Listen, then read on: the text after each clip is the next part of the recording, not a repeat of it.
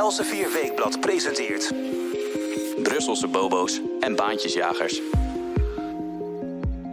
Na ruim vier dagen vergaderen in Brussel kwam er dinsdag 21 juli eindelijk een akkoord over het coronaherstelfonds en de meerjarenbegroting van de Europese Unie. Kan Nederland tevreden zijn met de uitkomst? We gaan het bespreken met onze EU-correspondent Jelte Wiersma in deze aflevering van Brusselse bobo's en baantjesjagers.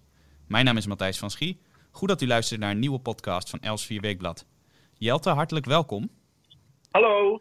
Vorige week spraken wij elkaar op de eerste dag van de EU-top. Toen zat jij in Brussel. En eh, jij voorspelde al dat het best eens uh, behoorlijk lang kon gaan duren, die top. Nou, daarmee had je geen woord te veel gezegd. Want uh, het was meer dan vier dagen lang onderhandelen. Is dat bijzonder? Het is wel eens vaker voorgekomen. de, de langste top die geregistreerd is, is de top van Nice. Uh, in 2000 in Frankrijk. Dat ging over allerlei institutionele hervormingen.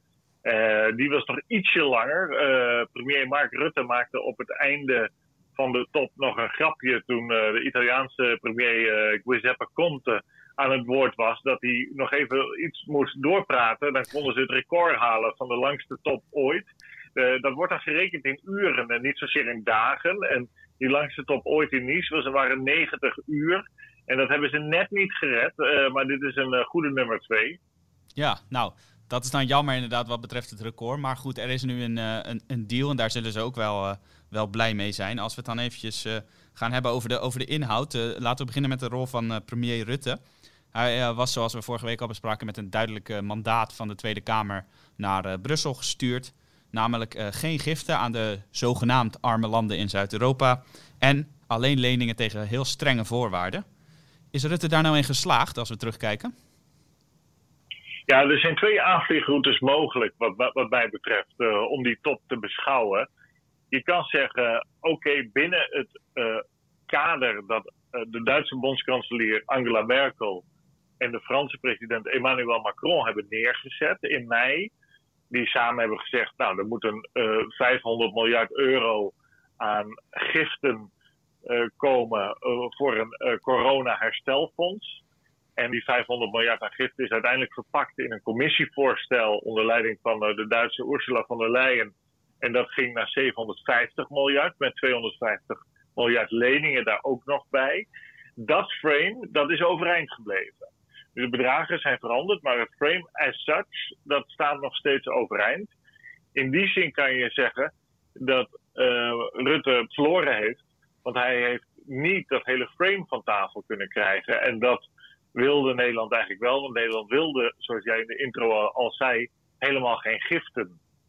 Ja, toch staat op eh, het omslag van uh, Els Weekblad van deze week dat Rutte uh, wel degelijk winst heeft geboekt in Brussel. Dus jij zegt er zijn twee aanvliegroutes. We hebben dan nu inderdaad de aanvliegroute besproken waarin je kunt zeggen deze uitkomst is een nederlaag.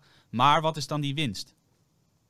Nou, de winst is dat binnen dat kader dat gesteld is door Merkel en Macron, Rutte uh, een heel aantal zaken richting de Nederlandse kant heeft kunnen buigen.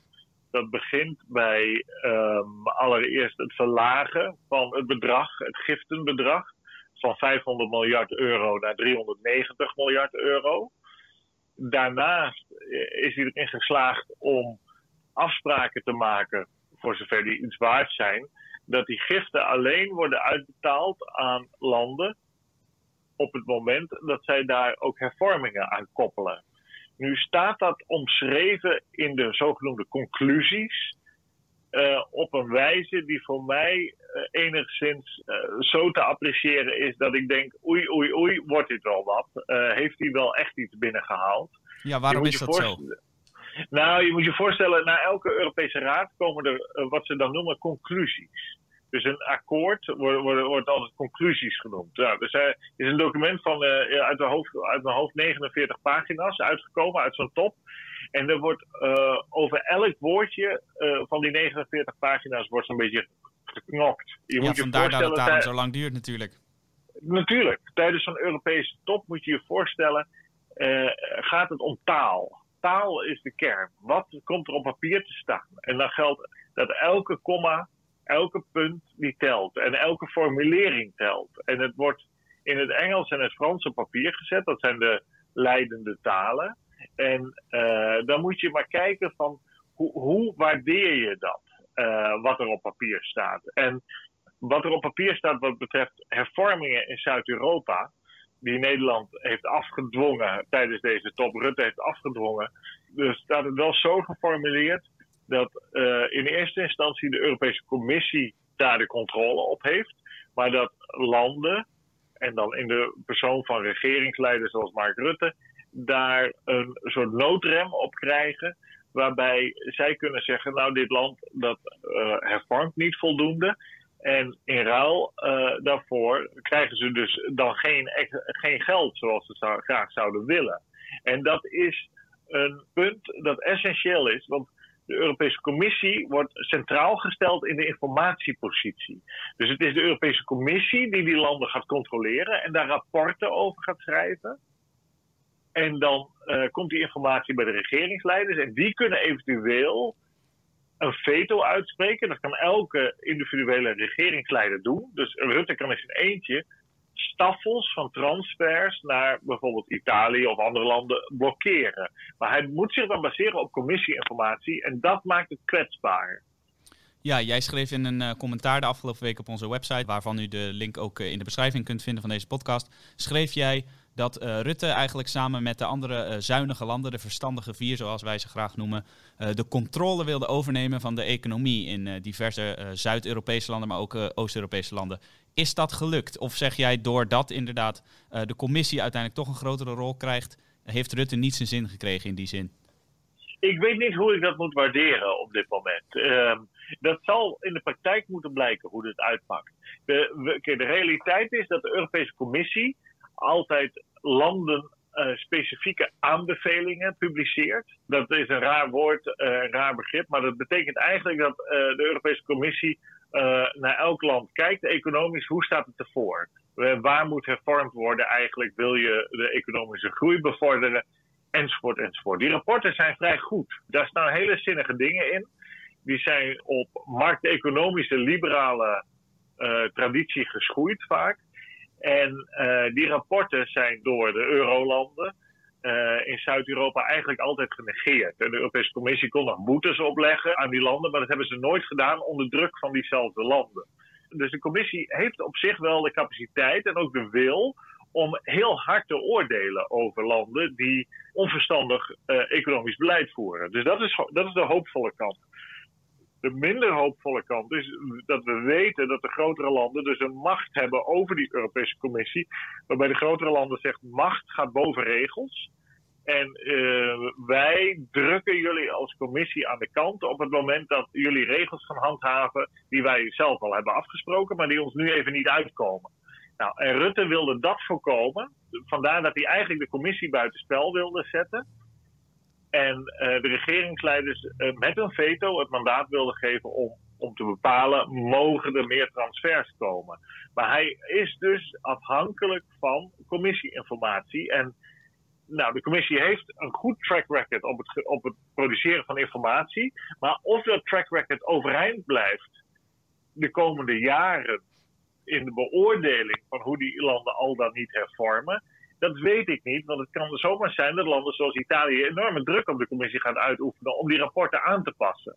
Dus uh, uh, het is uh, nog heel onduidelijk, wat mij betreft, hoe dat in de praktijk gaat uitwerken. Maar bovenaan staat inderdaad de ambitie van Rutte en de andere drie landen, Oostenrijk, Zweden en Denemarken en eigenlijk ook Finland is inderdaad om te zeggen van nou, dan, geven we dan geld, maar dan willen we wel aan de koppen zitten en dat er goed hervormd wordt. En uh, uh, je ziet dat in Italië en Spanje en de andere landen door heel veel mensen daar heel positief op, op, positief op wordt gereageerd. Dat moet je niet onderschatten, hè? Ja, dat is opmerkelijk inderdaad. Want uh, ik wilde eigenlijk al even gaan inderdaad naar de, de, de beeldvorming rondom deze EU-top. En dan met name de, de houding van Rutte. Want in tal van Nederlandse kranten uh, lazen wij de afgelopen dagen eigenlijk voortdurend hoe boos alle uh, buitenlanders en dan in het bijzonder de Zuid-Europeanen zijn op uh, premier Rutte. Hij werd in negatieve termen afgeschilderd als Mr. No en op andere manieren als gierigaard of in ieder geval de boeman. Maar jij zegt dus inderdaad, er zijn ook heel andere geluiden te horen vanuit die landen die zeggen, nou hartstikke goed dat meneer Rutte uit Nederland dus flink met de vuist op tafel heeft geslagen. Jazeker, ja. Dus, is bijvoorbeeld een uh, voormalige staatssecretaris in een van de Berlusconi-regeringen. Die zegt: Ja, wij hebben twintig jaar wanbeleid gevoerd in Italië. En het is heel goed dat er nu uh, druk op ons wordt uitgeoefend uh, om dit te veranderen. En die bedankte Mark Rutte daarmee. Die zei: dat, dat moet ook gebeuren, allemaal, die hervormingen. En dat lukt ons zelf niet. Dus Rome lukt het niet. Dus hebben we Brussel nodig om uh, dat door te voeren. Dat is wel interessant, want deze man komt uit Noord-Italië.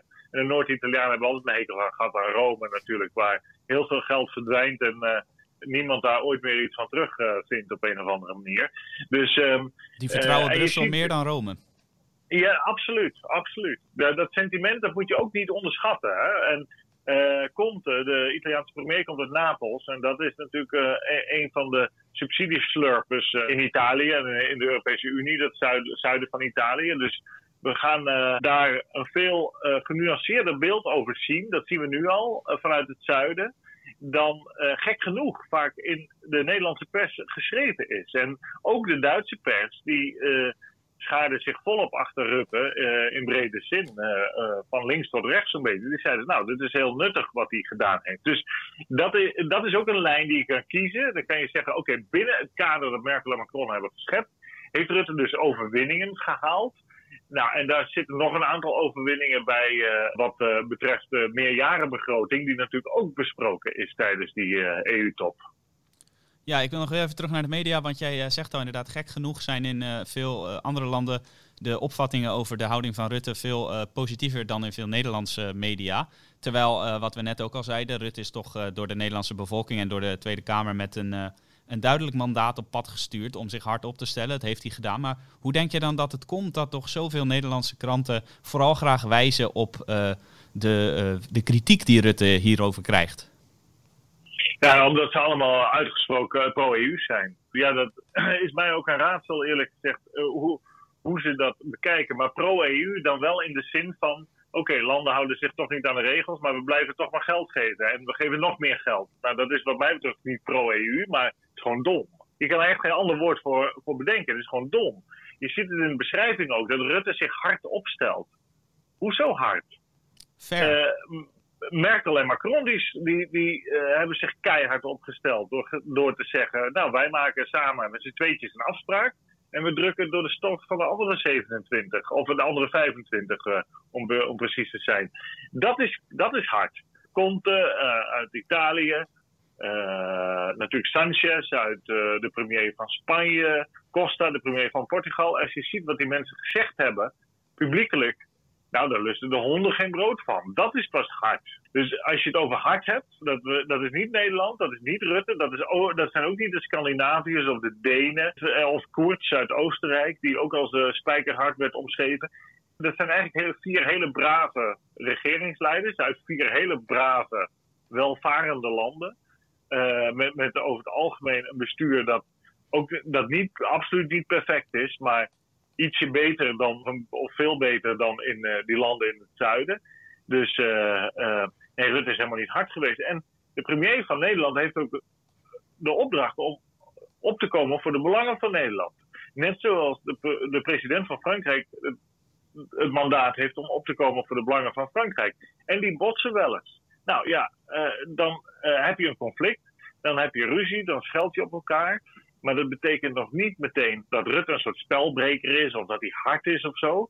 Uh, dit is het spel zoals het gespeeld wordt. Het is heel, heel kinderachtig, heel provinciaal om dat eigenlijk hard te noemen. Of uh, Rutte de wind van voren te geven op dat vlak. Maar uh, mijn algehele appreciatie van de top is, zit meer naar de kant toch van Rutte heeft eigenlijk een fundamentele nederlaag geleden. Want Nederland wil, wilde nooit dat er geld geleend zou worden op EU-schaal. En dat gaat nu wel gebeuren. Die 390 miljard euro, die gaat geleend worden door de Europese Commissie op de kapitaalmarkt. Dat is nog nooit eerder gebeurd.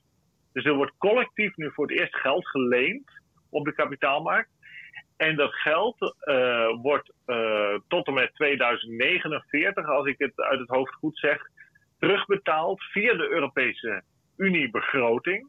De, jaar, de, de, jaarbegroting, waar Nederland uh, een netto-betaler aan is. En nou, er zijn ambities om dat te doen met een plasticbelasting. een belasting op niet recyclebaar plastic. Europese belasting. En dan ga je dus nog een rode lijn over. Want Nederland wilde nooit belastingen. Dus je, je hebt twee fundamentele punten. Gezamenlijk geld lenen. Daar was Nederland altijd tegen. En EU-belastingen. Dat waren altijd rode lijnen voor Nederland. En Rutte zei na de EU-top, nou, er zijn voor mij geen rode lijnen overschreden. Nou, dat lijkt me een beetje curieus, eerlijk gezegd. Ja, die, die rode lijnen zijn dus inderdaad, zoals jij het omschrijft, wel degelijk uh, overschreden. En uh, jij noemde net al eventjes uh, Nederland versus Frankrijk. En dat is wellicht aardig om uit te lichten, want in een ander commentaar voor de site, ja, jij schrijft wat af zo rond zo'n EU-top. Het is ongelooflijk het tempo waarin jij die stukken produceert. Zijn wij allemaal erg blij mee overigens op de redactie. Maar jij schreef in dat commentaar, ook weer te vinden in de beschrijving, dat premier Rutte een aantal slagen heeft gewonnen.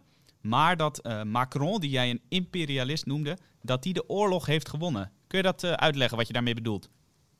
Ja, nou, ik had al een voorzetje gegeven natuurlijk daarvoor. Dat het, fundament, het kader is overeind blijven staan. En Rutte heeft daar wat aanpassingen op kunnen doen, maar het fundament is niet veranderd. Er komen dus uh, belastingen, uh, zoals het nu lijkt, op plastic. En er komt dus voor het eerst een schuldenlening, gezamenlijk. En dat is iets nieuws. Dit zijn wensen die Frankrijk altijd heeft gehad. En dan moet je even de historie in. Frankrijk heeft eigenlijk altijd de ambitie gehad om de continentale heerser in Europa te worden en te zijn. Dat hebben ze een aantal keren ook geprobeerd met natuurlijk Louis XIV, de beroemde zonnekoning. Die vond op zijn weg Willem III, de stadhouder uit Nederland, die helemaal alleen stond tegen deze zonnekoning. En uiteindelijk zijn hele leven heeft gegeven aan het bestrijden van het Franse imperialisme. En dat is hem uiteindelijk gelukt door uh, Duitse landjes, Duitsland was toen nog niet verenigd, achter zich te krijgen. En door een invasie in Engeland uh, op te zetten. En hij heeft daar de, de troon ingenomen. En de pro-Franse katholieke koning Jacobus heeft hij eruit geschopt. En dat is een historische zaak geweest. Want Daardoor kwam er zo'n sterk blok in Noord-Europa tegen het Franse imperialisme, dat die Franse opmars eigenlijk een halt werd toegeroepen. Ja, dat werd nou, niet voor niks de, de, Glorious Revolution genoemd. Hè? Dat is wel echt een gloriemoment voor de Nederlander geweest. In Engeland noemen ze het de Glorious Revolution, inderdaad. In Nederland is deze man een beetje vergeten. In Engeland gek genoeg ook. Uh, terwijl het was, gewoon een, uh, het was gewoon een Nederlandse machtsovername van, van de Britse eilanden.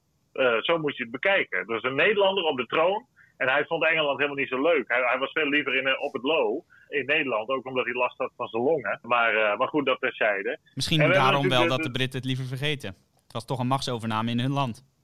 Ja, zij doen altijd, altijd, altijd alsof ze sinds 1066 uh, uh, altijd eh, onafhankelijk zijn geweest. Nou ja, dat is niet helemaal waar. De Nederlanders zijn gewoon binnengevallen met een troepenmacht van 20.000 man en hebben daar de troon ingenomen. Nou, ik, ik weet niet hoe een machtsovername eruit ziet, maar volgens mij lijkt het er wel op.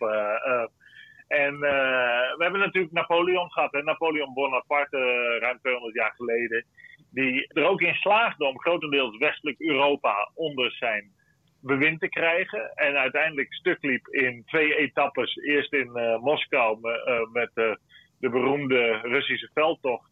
En daarna bij Waterloo natuurlijk in 1815, waar die ten onder ging tegen een coalitie van, daar heb je ze weer, de Engelsen, de Nederlanders en de toenmalige Pruisen, ook weer een van de Duitse landen. Dus daar, daar gingen ze weer. Nou dat, dat spel, dat zie je nog steeds. De Europese Unie is vanuit Franse optiek altijd een vehikel geweest om continentaal West-Europa te domineren. En een tegenwicht te bieden tegen de Angelsaksische wereld, waar de Fransen toch een fundamentele afkeer van hebben. En die Franse EU is veel meer staatsgeoriënteerd dan marktgeoriënteerd, is meer protectionistisch dan liberaal. Nou, zo kan je nog een heel aantal dingen noemen die eigenlijk tegen de Nederlandse natuur ingaan. En uh, vandaar dat die strijd die we nu zien ook weer zo belangrijk is. En nou ja, ik weet niet of Mark Rutte ooit van plan is om Engeland binnen te vallen, daar het premierschap op zich te nemen en dan een coalitie te vormen tegen het Franse imperialisme. Maar je kan die lijnen gewoon doortrekken. Het zijn lange lijnen vanuit de geschiedenis. Uh, en uh, dat zien we herhaald worden. Ja, gezien de staat van de Nederlandse defensie betwijfel ik ook ten zeerste of Nederland daartoe nu ook weer in staat zou zijn. Maar in jouw prachtige historische verhandeling net noemde jij inderdaad al eventjes de, de coalitie tussen Nederland, het Verenigd Koninkrijk en Pruisen, laten we het voor het gemak even Duitsland noemen. Duitsland heeft natuurlijk om historische redenen uh, niet zo'n zin om zich uh, fel tegen uh, de EU te verzetten. En het Verenigd Koninkrijk is er natuurlijk uitgestapt vier jaar geleden, of althans daartoe ja. is toen gestemd. En daarom zeg jij, Nederland heeft nu eigenlijk in zijn eentje, althans gesteund wel door die andere zuinige landen, heeft in zijn eentje voornamelijk die Britse rol over moeten nemen. Nederland is eigenlijk het nieuwe Verenigd Koninkrijk in de Europese Unie. Ja, dat is nog, nog een ander element dat zo fascinerend is aan, aan de ontwikkelingen die we hebben gezien tijdens deze top. Dat Nederland is ongewild eigenlijk uh, in een positie gedrukt uh, waarin het, uh, het gat dat het Verenigd Koninkrijk heeft achter, achtergelaten over moet nemen. En je ziet dat Nederland daar ongemakkelijk mee is. Het Verenigd Koninkrijk was veel makkelijker en harder ook vaak om te zeggen nee tegen iets. Bijvoorbeeld toen Jean-Claude Juncker commissievoorzitter werd.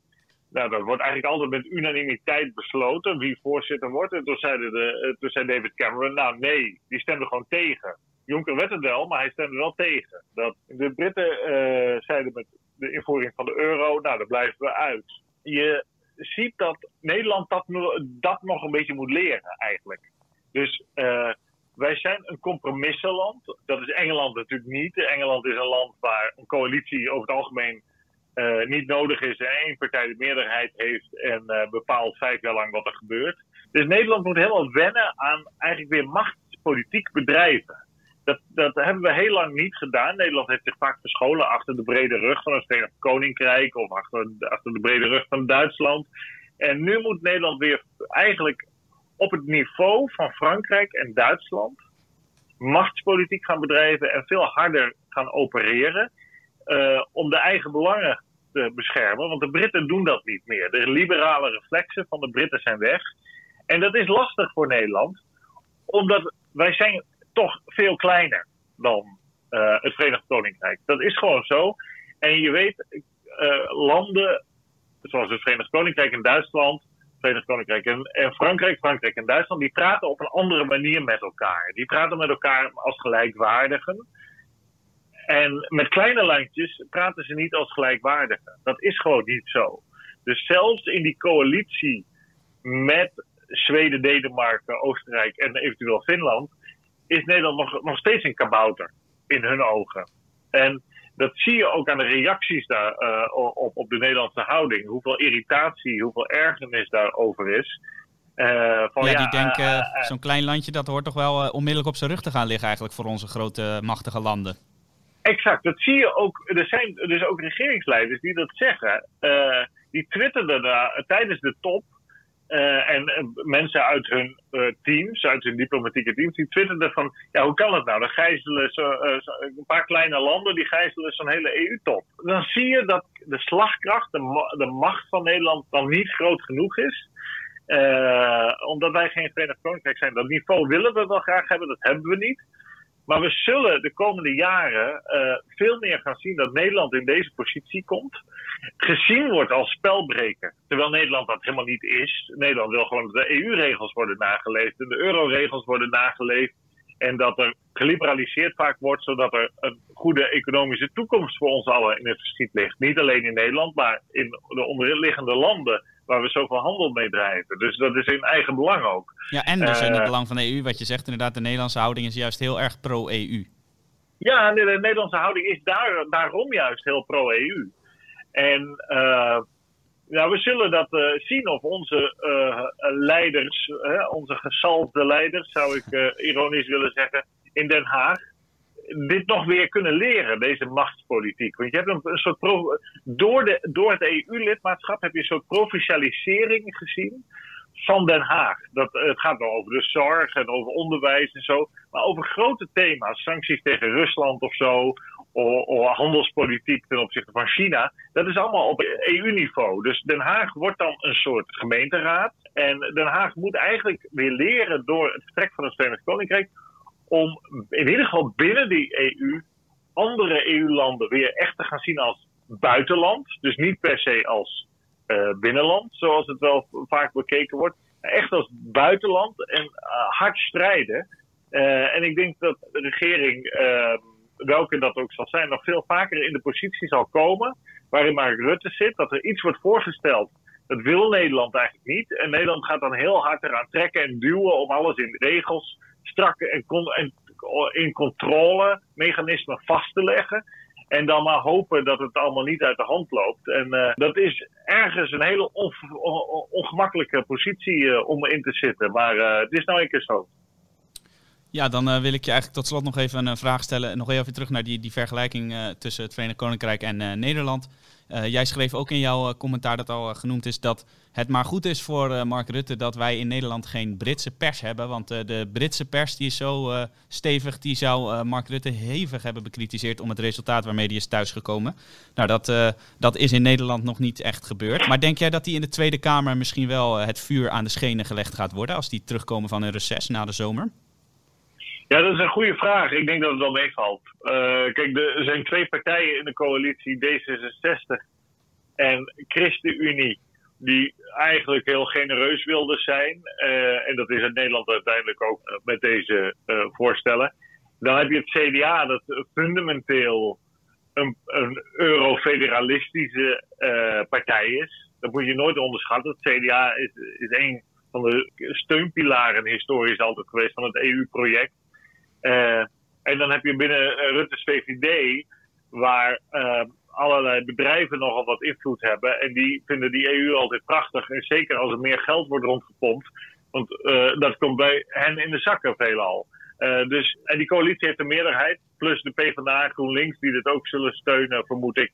Dus er zal niet veel gebeuren wat dat betreft dan is dat goed om te weten. Dan moeten wij maar inderdaad in deze podcast het kritische geluid blijven verzorgen. Dat, dat lukt altijd aardig, ook nu weer. Wij, wij, vormen in ons eentje de Britse pers eigenlijk. Uh, kijk, als, als, als Cameron terugkwam van EU-toppen, ik ben er wel bij geweest, kort na de EU-top, gaf Cameron in het Europa-gebouw, of het Justus Lipsius-gebouw in Brussel, waar die toppen plaatsvinden, een persconferentie. En dan werd hij gegrild uh, door de Sun en de Daily Telegraph. En die zeiden: Oh, premier, wat heeft u nu weer allemaal voor uh, domme afspraken gemaakt? En uh, hebben de Fransen u er weer ingenaaid? Uh, zo, zo gaat dat dan. En nou, dat is bij de, de, Nederlandse pers, dat zijn natuurlijk schoothondjes wat dat betreft. Maar, maar goed, wij nemen de eer op ons en de taak op ons om wat scherper te formuleren. En ook wat meer waarheidsgetrouw dan overigens te formuleren.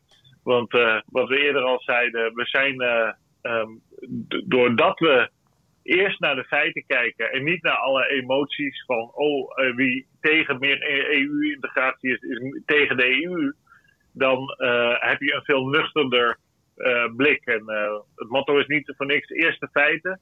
En dat houden we maar hoog. Zo is het, je had heel goed gezegd. En uh, als u nou uh, dat motto eerste feiten elke week in de bus wilt hebben, dan moet u vooral een, uh, een abonnement nemen op Els 4 Weekblad. en in het laatste nummer staat dus een uitgebreide analyse van de hand van Jelte, maar ook van onze hoofdredacteur Arendo Joustra over deze EU-top. En u kunt natuurlijk ook elke week weer blijven luisteren naar deze podcast. Dit was het voor vandaag. Hartelijk dank Jelte weer voor deze boeiende bijdrage. Graag gedaan. En aan onze luisteraars uh, wil ik, uh, zoals elke week weer, het allerbeste wensen in deze roerige tijden. Blijf gezond en graag tot de volgende keer. Daarmee zijn we aan het einde gekomen van deze podcast. Mijn naam is Matthijs van Schie en ik wil u ook hartelijk danken voor het luisteren. Bent u nou benieuwd geworden naar de artikelen die we zojuist hebben besproken in deze podcast?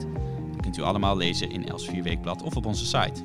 Voor een abonnement, waarbij u ook onbeperkte digitale toegang krijgt, kunt u surfen naar www.els4weekblad.nl. Daar kunt u zich ook abonneren op onze podcastseries. Dat kan ook door in uw favoriete podcast-app, bijvoorbeeld Spotify of iTunes, te zoeken op Els 4 Weekblad. Dit was het voor nu. Graag tot de volgende keer.